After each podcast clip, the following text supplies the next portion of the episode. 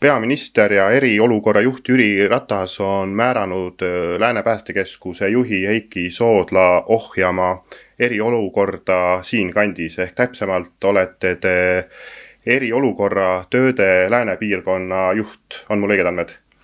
jaa, tõepoolest, et mind on määratud Lääne regiooni eriolukorra tööde juhiks ja meie otsene suunitlus on siis toetada kohalike omavalitsuste tööd. Äh, koordineerida infovahetust ja hoolitseda selle eest, et äh, kohalikul kogukonnal läheks hästi kriisi ajal. aga ma alustuseks küsiksingi siis, et milliseid äh, probleeme on Pärnumaal omavalitsustel selle kriisi ajal seni ette tulnud? probleeme on väga palju ja, ja küsida, et kuidas hakkama on saadud, et noh, kõigepealt alustaks võib-olla sellest, et see kriis on nii mastaapne ja kriis ületab Eesti riigipiire ja, ja sellises olukorras ei ole me mitte kunagi olnud. ei operatiivjõustruktuurid, sisejulgeoleku jõustruktuurid, ei kohalikud omavalitsused ega rahvas tervikuna. ja, ja oleme huvitava väljakutse ees, ükski meie senine töökogemus äh, juhis ei anna mitte mingisuguseid ette tegevusi, et mida me võiksime, peaksime tegema sellisel puhkudel ja kohaliku omavalitsuse kõrval me oleme olnud siin mitmeid aastaid, kus me oleme neid nõustanud ja koolitanud kriisideks valmisoleku osas. et äh, meil viimane enne suurt epideemiat äh, konverents oli siin jaanuarikuus, kus me tegime elanikkonnakaitse konverentsi ja rääkisime kohalike omavalitsustega kriisivalmidusest. ja, ja meil on tegelikult väga hea selge pilt ees, et milline on täna kohalike omavalitsuste võimekus kriisi juhtida siis äh, hea meel on tõdeda, et tegelikult lääne regioonis äh, kõik omavalitsused saavad kriisijuhtimisega hakkama. kui hästi üks või teine seda teeb, et äh, siin on erisusi olemas.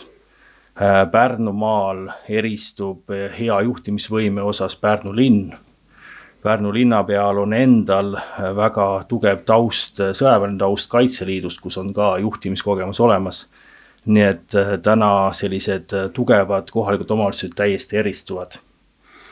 ja kuidas hakkama saadakse, üldjoontes äh, saame hakkama, aga, aga selliseid määramatust ja selliseid tegevusi on väga palju veel ees. seda küll, aga noh, teie üks ülesannetest on ka riigi ja, ja omavalitsuste vahel info vahetamine, selle koordineerimine. omavalitsuste juhid kindlasti on teile kurtnud, on tekkinud mingi probleem, küsinud nõu või abi, tooge mõni näide, mida, mida on omavalitsuste juhid praegusel keerulisel ajal teile kurtnud? probleemid on tegelikult seinast seina, et väga detailsest tasandist välja kuni üldise kriisi juhtimiseni. et äh, noh, nagu ma mainisin, siis sellist olukorda pole meil kunagi olnud ja see kriis on välja toonud siis ühe äh, olulise kitsaskoha. et äh, koha peal on keeruline vastu võtta selliseid operatiivseid otsuseid, et äh, vältida nakkuskolde eskaleerumist ja, ja noh, näitena, et on regionaalsed kriisikomisjonid, mis juhtimisinstrumendina, kus on tegelikult nõuandev organ kohalikel omavalitsustel on äh, kriisikomisjonid, kes igapäeval, äh, igapäevaselt juhivad neid kriise. aga siin on lihtsalt seesama viga, et äh, omavalitsused run ivad kriisikomisjoni, tehakse otsuseid aga neid otsu-, et neid otsuseid jõustada, selleks tuleb tihti viia teemad volikogusse, mis teevad selle protseduuri väga aeglaseks ja kohmakaks nii et äh, noh, operatiivolukorras, et teha kiireid otsuseid, siis on vaja tõhustada seda süsteemi, et need on ka need õppetunnid, mis me sellest kriisist äh, oleme üles korjanud ja, ja mida tulevikukriiside lahendamiseks peaksime riiklikul tasandil muutma mm,. kuidas äh, siin kriisimeeskond ja ka Pärnu haigla, kellega te väga tihedalt kindlasti suhtlete, kuidas te olete valmis kui peaks juhtuma või kui peaks ette tulema näiteks sama tõsine olukord, kui on praegu Saaremaal? Äh, jah, et äh, Saaremaal tõepoolest selline nakkuskolde epitsenter on olemas. Saaremaa plussiks võib lugeda seda, et siiski see on äh, lokaalselt piiritletud, et vahepeal on meri ja Saaremaad on selles suhtes väga lihtne kontrolli all hoida lokaalselt kui see nakkuskolle peaks aktiivselt edasi liikuma Pärnumaale, siis noh, siis on ohustatud terve Eesti mandriosa tervikuna ja, ja ega siin ei oskagi muud öelda, kui me peame selleks valmis olema. me peame valmis olema selleks, et äh, inimesi hukkub rohkem. ja täna meil on tõepoolest võimalus tegelikult õppida sellest, mis Saaremaal toimub, et me näeme sisuliselt äh, arenguid paar nädalat ette. Ja valmistume selleks, äh, mis siis, kui see jõuab siia ja küsida, et kas me oleme selleks lõpuni valmis, kindlasti mitte selles mõttes, et igal pool on defitsiit äh, isikukaitsevarustuse osas, et siin on tehtud riiklikke hankeid. isikukaitsevarustuse osas on ka eraldi määratud eriolukorra tööde juht, kes kogu seda tegevust koordineerib. ja, ja täna me tegelikult selliste tegevustega ju vähendame defitsiiti. Et kui küsida, et kas meil on korras isikukaitsevahenditega kohalikel omavalitsustel, kindlasti mitte Äh, need vahendid tulevad meil erinevate etappide kaupa, et ka veel täna ei ole veel kõik äh, ütleme siis niimoodi, hooldekodud saanud piisaval koguses isikukaitsevarustust, nii kui me kuskilt saame, nii me ise Päästeameti logistikaga aitame ja viime hästi operatiivselt kohale. küsimus ongi selles, et kust ja kas me neid üldse kuskilt kätte saame. Äh, osad omavalitsused on oma initsiatiivil leidnud vahendeid, võimalusi isikukaitsevahendite hankimiseks äh, ise ostetud, kus välisriikides äh, osa omavalitsusi on pannud ise tehaseid, käsitöölisi tööle, et isikukaitsevarustust hankida ja need omavalitsused on ka täna edukamad tegelikult. et nad on ise midagi ära teinud. Ja mis mulle veel eriti meeldib, omavalitsuse seas valitseb solidaarsus et seal, kus ei ole vahendeid ja kus on natukene üle, siis neid isikukaitsevahendeid täna jagatakse isegi omavalitsuse üleselt. nii et äh, kriisiaeg tegelikult ühendab omavalitsusi ühtse sellise mõtlemise alla. ja mul on hästi hea meel tõdeda, et üksteist toetatakse sellistel puhkudel. aga saan ma teist õigesti aru, et äh, kui olukord peaks minema sama tõsiseks kui, kui Saaremaal, siis on pehmelt öeldes äh, jama majas jama on kogu maailmas, kui me vaatame, mis maailmas toimub, siis eh, mis annab selle garantii meile, et meil peaks minema teisiti. mitte miski, eks me täna, eh, peaminister on ka loonud rida meetmeid, millega me püüame seda viiruslevikut ohjata. Minu enda seisukoht on see, et eh, need meetmed, mis täna on kehtestatud, on piisavalt selles mõttes tugevad ja nüüd ongi küsimus selles, et kuidas meie ja meie inimesed suudavad neid meetmeid järgida. et kui sedasama kaks pluss kaks reeglit jälgida ja, ja mitte koguneda puntidesse, mitte levitada, siis tegelikult mingisugune järeleandmine viiruse leviku osas peaks Eestis toimuma kindlasti. Nüüd on küsimus ka selles, et äh, kuidas meie riigi majandus sellele kõigele vastu peab ja kaua me suudame seda hoida. Need on eraldi küsimused ja eks riiklikul tasandil ole ka selle peale mõeldud, et äh, riigikantseleis töötatakse välja ju tegevuskava täna, mis puudutab kriisist väljumist. selles tegevuskavas on ju kolm etappi, sisuliselt on siis äh, nakkuspuhangu eskaleerumise etapp, millega tegeletakse. Siis on nakkuspuhangu stabiliseerimise etapp ja lõpuks siis kriisist väljumise etapp. kui me nüüd vaatame, et kus me täna oleme siis me ilmselgelt oleme veel äh, kriisi või nakkuspuhangu eskaleerumise etapis. ma ise sügavalt loodan, et see, et me hakkame jõudma sinna peagi stabiliseerumise etappi. aga rääkides selle kriisi kestusest siis ja sellest tulenevalt ka praegu kehtivast eriolukorrast. Kindlasti te olete peaministriga sellel teemal äh, rääkinud ja noh, on ka mina, mina olen isiklikult kuulnud äh, mõningaid vihjeid, noh, kasvõi, kasvõi pressikonverentsidel, kus äh, teadlased, arstid räägivad. kui tõenäoline on, et see eriolukord lõpeb esimesel esimesel mail, nagu esialgu määratud? Minu isiklik arvamus on see, et, et see ilmselt ei lõpe esimesel mail, aga otsustusõigus on ikkagi peaministril ja no ongi küsimus see, et äh, kui suur on meil valulävi. et milliseid ohvreid me oleme valmis tooma, et kas me oleme valmis aktsepteerima suurenevat inimhukkunute arvu või me oleme valmis aktsepteerima suuremat majanduskahju. Ja siin ongi valikute koht, et täna on ju valitsus väga selgelt otsustanud, et tähtis on rahva tervis. ja täna me lähtume sellest. aga pigem see eriolukord, see, see noh, paljudele see jälk ja pahinav aeg, olgem ausad, noh, ilmad lähevad ka nüüd ilusaks, eks ole. et ilmselt, ilmselt see pigem, pigem läheb natukene, venib natukene pikemaks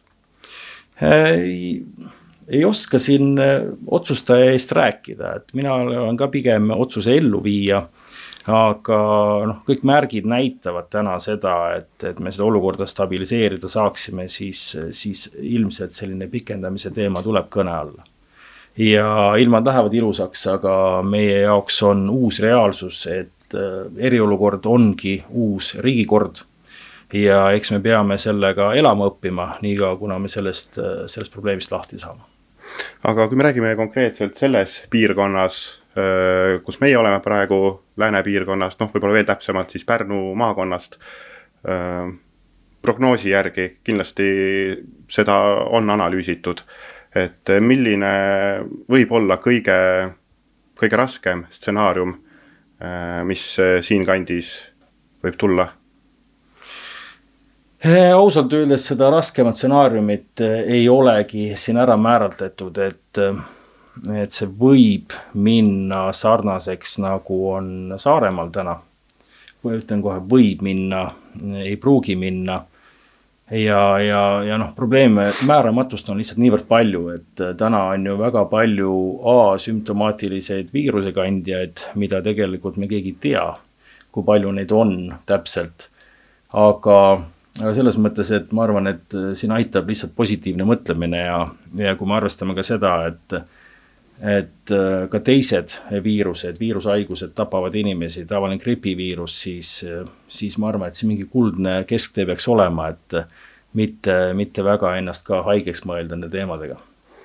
rääkides äh, määramatusest, äh, kuidas niisiis teie asutus ehk siis Päästeamet, politsei, kiirabi, kõik need operatiivteenistused, kuidas te tulete toime siis, kui praegusel ajal peaks, peaks juhtuma mõni selline sündmus, mis, päästesündmus, mis vajab väga suurt äh, ressurssi, kas siin mingit ohtu, ohtu ei ole, kui liiga palju ressurssi tuleb näiteks noh, mõni ulatuslik äh, metsapõleng, midagi sellist et kas, kuidas te siis toime tuleksite? ei, kindlasti oht on olemas, sellepärast et me elame praegu sellisel ajal, kus meil on kulupõlengute aeg ja päästesündmuste arv on juba tõusnud kulupõlengute liinis. Ja, ja oht meile endile viiruse leviku tingimustes töötamiseks on väga suur, et me oleme ise hinnanud, et meie teenistujate nakatumisvõimalus võrreldes tavakodanikuga on ligi kolm korda suurem. ja, ja meie partneritel politseinikel on see nakatusoht veel suurem kui kolm korda et siin erinevatel andmetel on hinnatud seda siis ligi kümnekordseks isegi. Aga eks äh, tuleb kasutada isikukaitsevahendeid nii palju, kui võimalik on, et ka vahepeal oli meil endal siin varustusega probleeme, puudujääke, täna me oleme selle tühimiku õnneks katnud.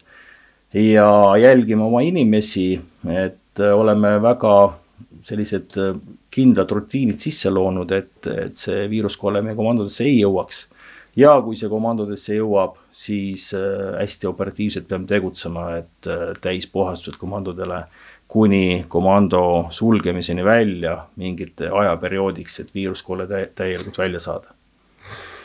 nii et äh, ja kui me nüüd võrdleme tänast olukorda, siis täna oleme suutnud seda stabiilsena hoida, et meil ei ole väga palju juhtumeid, kus inimene on haigestunud lääne regiooni kohta on meil tegelikult ainult äh, kaks haigestusjuhtumit, kui päästja või meeskonnavanem on Covid viirusesse haigestunud. Täna üks, äh, üks päästja on juba tööle naasemas, nii et ta on selle haiguse läbi põdenud. ja, ja täna oleme hakkama saanud, mis ei tähenda seda, et see homme nii on, sest määramatust on lihtsalt niivõrd palju. Mm, kui toome näiteks, näiteks Pärnu komando, mis on meil siinsamas, eks ole, kus me oleme samas majas põhimõtteliselt.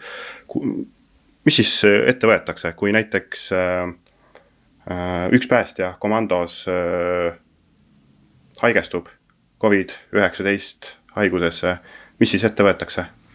esiteks komando pealikel on väga, väga konkreetsed juhised antud, et haigusnähtudega inimest me enam oma majja sisse ei lase et äh, seda riski me ei võta, ükskõik mis haigus tal on, koheselt saadame testimisele. Äh, eesliini töötajatel on täna võimalus operatiivsemalt testimist teha. Äh, ja sellesama isikuga kokku puutunud isikud saadame koheselt testimisele, nii kauaks on nad töölt eemaldatud ja desinfitseeritakse komandohoone ja kasutatakse ka ajalist viivet, et me kohe ei, komandoruume kasutusele ei võta. et see on meil tänane tänane selline valulävi, et teha neid asju selliselt. no päris kinni ei panda komandot? Äh, komando sulgemisega me võime ajutiselt meeskonda ümber paigutada kuskil ohutumatesse ruumidesse, reservpindade peale, aga päästemeeskond täna meil välja sõidab ja päästemeeskond reageerivad. kui viiruspuhang läheb suuremaks ja peaksime komandodesse äh, püsivamalt sisse tulema ja meil tekib isikkoosseisu puudujääk, siis me peame lihtsalt hakkama määrama prioriteete. selles mõttes tõstma isikkoosseisu ümber sinna, kus on riskid kõige suuremad. et ka seda stsenaariumit oleme läbi arutanud. Eestis on mõni selline näide, kus äh, eesliini tööline kardab seda, seda viirust ja see noh, võib mõjutada tema tööd, töö kvaliteeti. Äh, kas teie olete kokku puutunud mõne, mõne päästjaga, kes, kes pelgab tööle tulla, sest tead, teatavasti nad ju käivad näiteks kiirabitöötajatel abis, näiteks kui on vaja transportida äh, raskeid äh, patsient, patsiente näiteks, et kodukülastusi küll ei tehta, aga kas on mõni selline näide, et, et päästja pelgab tööle tulla?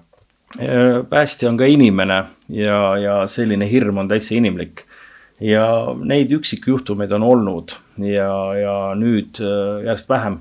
selles mõttes inimesed ka harjuvad, et aga, aga tegelikult äh, inimesed töötavad tõepoolest suurema pinge all, et kui minnakse kuskile kiirabile appi ja saadakse teada, et see on viirusekandja, siis noh, automaatselt see, see tõstab sellist äh, vererõhku.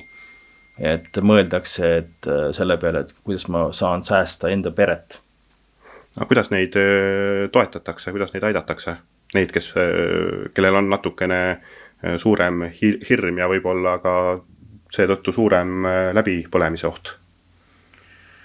Eh, meil on sellised professionaalsed komandopealikud, et eks nad suhtlevad sel teemal, mina isiklikult ei ole pidanud seda tegema, ma oma meeskonda usaldan selles liinis ja, ja seda probleemi ei ole minu lauale toodud, et kellegi hakkama ei oleks saadud, aga aga üldjuhul päästjad on meil suurema stressitaluvusega kui, kui tavakodanik, et päästjate silmad on näinud palju rohkemat, kui, kui igapäevaselt inimene näeb.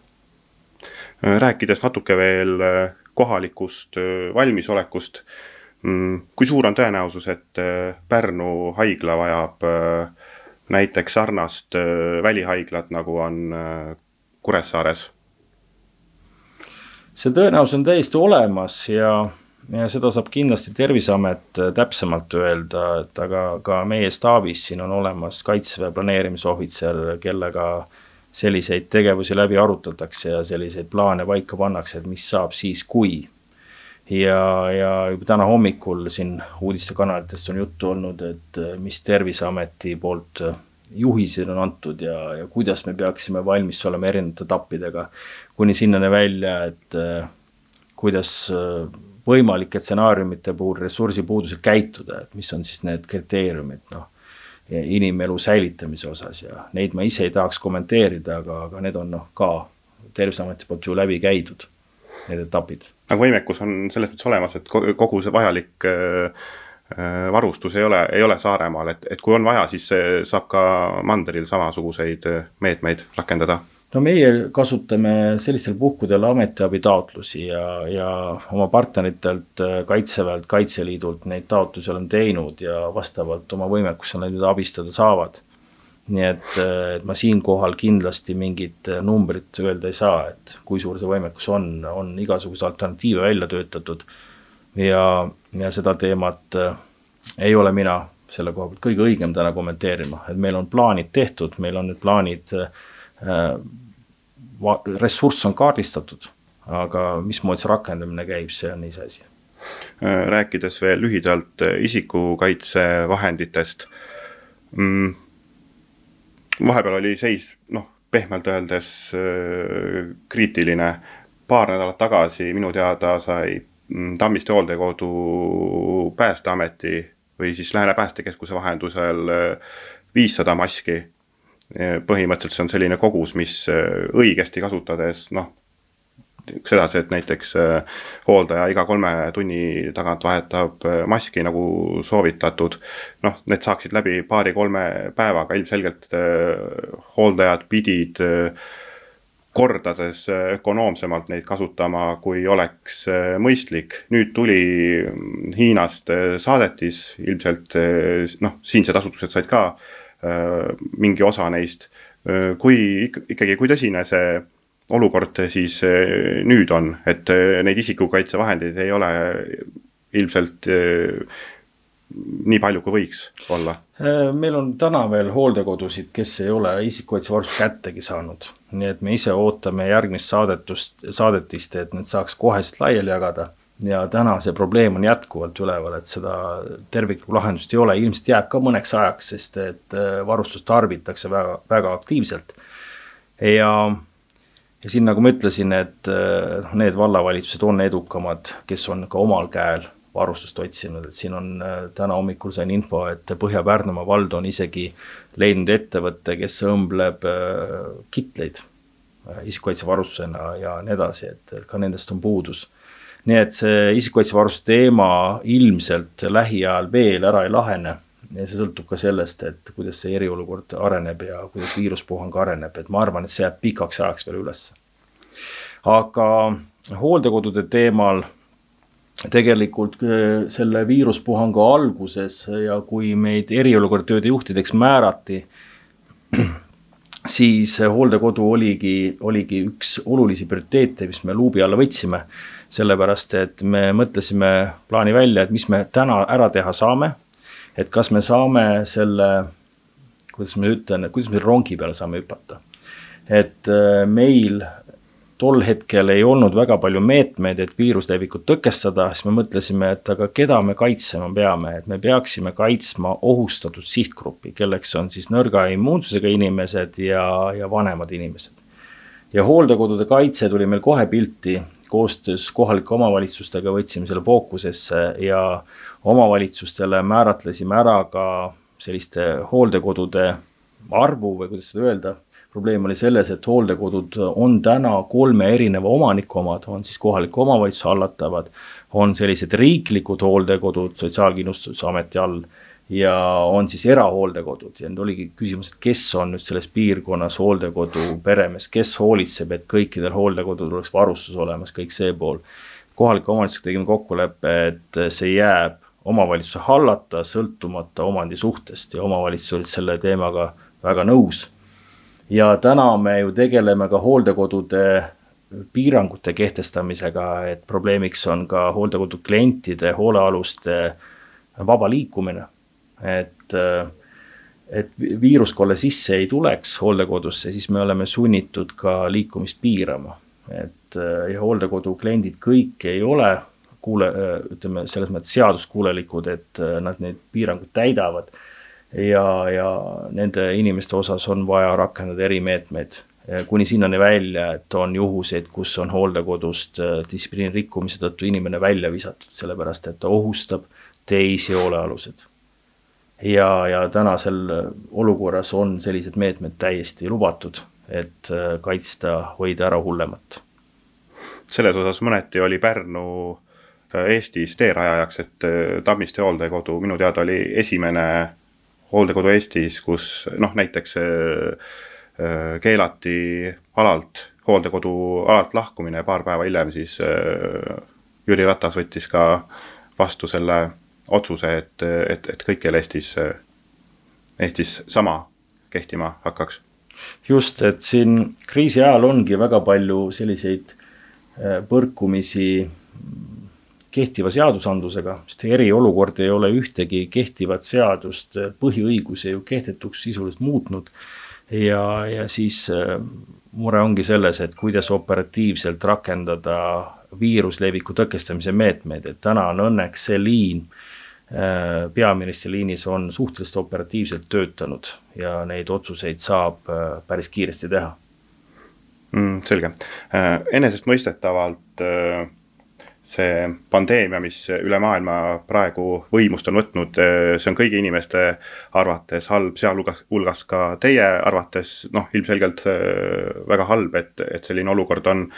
samas nii palju, kui ma olen vestelnud noh, näiteks politsei, kõrgete politseinikega, politseiametnikega, siis olen saanud sellist tagasisidet, et noh, muidugi, et see olukord on äärmiselt äärmiselt halb on, et selline olukord äh, praegu meil Eestis ja kõikjal maailmas on, aga samas, et et samas on tuntud ka heameelt, et lõpuks ometi saab, saab äh, proovida, et kuidas need erinevad oskused, mida on, ma ei tea, aastakümnete jooksul nii noh, läbi mängides harjutatud, nii laual, paberi peal läbi joonistatud, noh, on tehtud, ma ei tea, sadu äh, õppuseid, et lõpuks ometi saab, saab harjutada ja saab vaadata, et, et kuidas me selle kõigega toime tuleme. et kas teie olete praegu, noh, kas teie olete mõnes mõttes sellist ametialast väljakutset oodanud, kui jätta kõrvale see, et, et see viirus on väga halb ja see teeb inimestega halba, aga, aga rääkides just sellest tööst, mis te nüüd teha saate natuke teistmoodi kui, kui tavalisel ajal? et tõepoolest see, see kriis on mind õpetanud elus vaata et kõige rohkem, et ükski äh, ükski juhis, äh, meil pole ühtegi sellist juhist, kuidas seda kriisi ohjata ja, ja selle kriisi puhul kindlasti hea õppetund on meile see, et ma kujutan ette, et me hakkame tulevikus ka seadusi ümber kirjutama, kriisiohjeid, kriisimudeleid ümber kirjutama, et kuidas seda asja tõhustada. nii head õppetundi me ei ole mitte kunagi saanud kui täna äh, kahjuks õppetund kestab veel ja ma loodan, et see õppetund lõpeb ära siis, kui, kui meist riigist veel midagi alles on, et et, et see viirus nii suurt laastamistööd ei tee. nii et äh, igal juhul igapäevaselt õpime ja iga päev on omaette õppetund meile kõigile. Äh, kui palju te, kui palju teil vaba aega on olnud pärast seda, kui, kui peaminister teile selle piirkondliku eriolukorra tööde juhi äh, ameti määras? alates seitsmeteistkümnest märtsist, natuke varem isegi ega vaba aega väga ei olegi, selles mõttes, et oleme siin alaliselt tööl ja nädalavahetusel oleme siis telefoni teel ja Skype'i teel teeme vestlusi, et vaba aeg tekib siis, kui see kriis on läbi.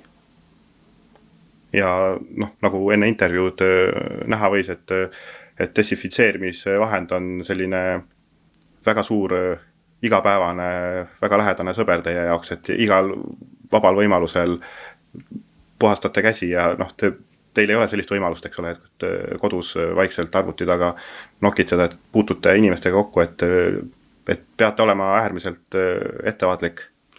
just, et käte pesemine ligi kakskümmend korda päevas, desinfitseerimine, et see on selline tavarutiin meile kõigile. et äh, siiamaani on käenahk vastu pidanud sellele veel, sellele intensiivsusele, aga aga see on tõesti selline tavarutiin, et pesta nii palju käsi. kas vahel kaitsemaski ka kasutate või jätate need äh, hooldajatele? Äh, ma jätan need päästjatele, aga kui liikuda rahvamasside sees, kus pole muud varianti liikuda, siis kaitsemaski kasutamine on tegelikult äärmiselt vajalik Äh, täna ongi inimestel probleem nende kättesaadavuses ja kui see kätte saadakse kuskilt näiteks apteekidesse tuleb müüki, siis igal juhul rahva sees liikumisel on kaitsemaskist kasu ja seda peab kasutama. ja omalt poolt veel kord, äh, kriisist väljatulek sõltub meist kõigist endist, kuidas me täidame kehtestatud nõuded, kuidas me hoiame üksteist distantsi, äh, ei kallista, ei kätle, välja arvatud siis oma leibkonnaga et kellega sa nagunii iga, igapäevaselt koos oled, et äh, see sõltub meist kõigist. Äh, kui lähme poodi, kas me oleme eelnevad käed ära pesnud, kui me tuleme poest, kas me peseme käsi, kas me desinfitseerime käsi, see kõik sõltub tegelikult inimeste käitumist endist. kui kiiresti me sellest kriisist välja tuleme. selge, aitäh selle intervjuu eest. aitäh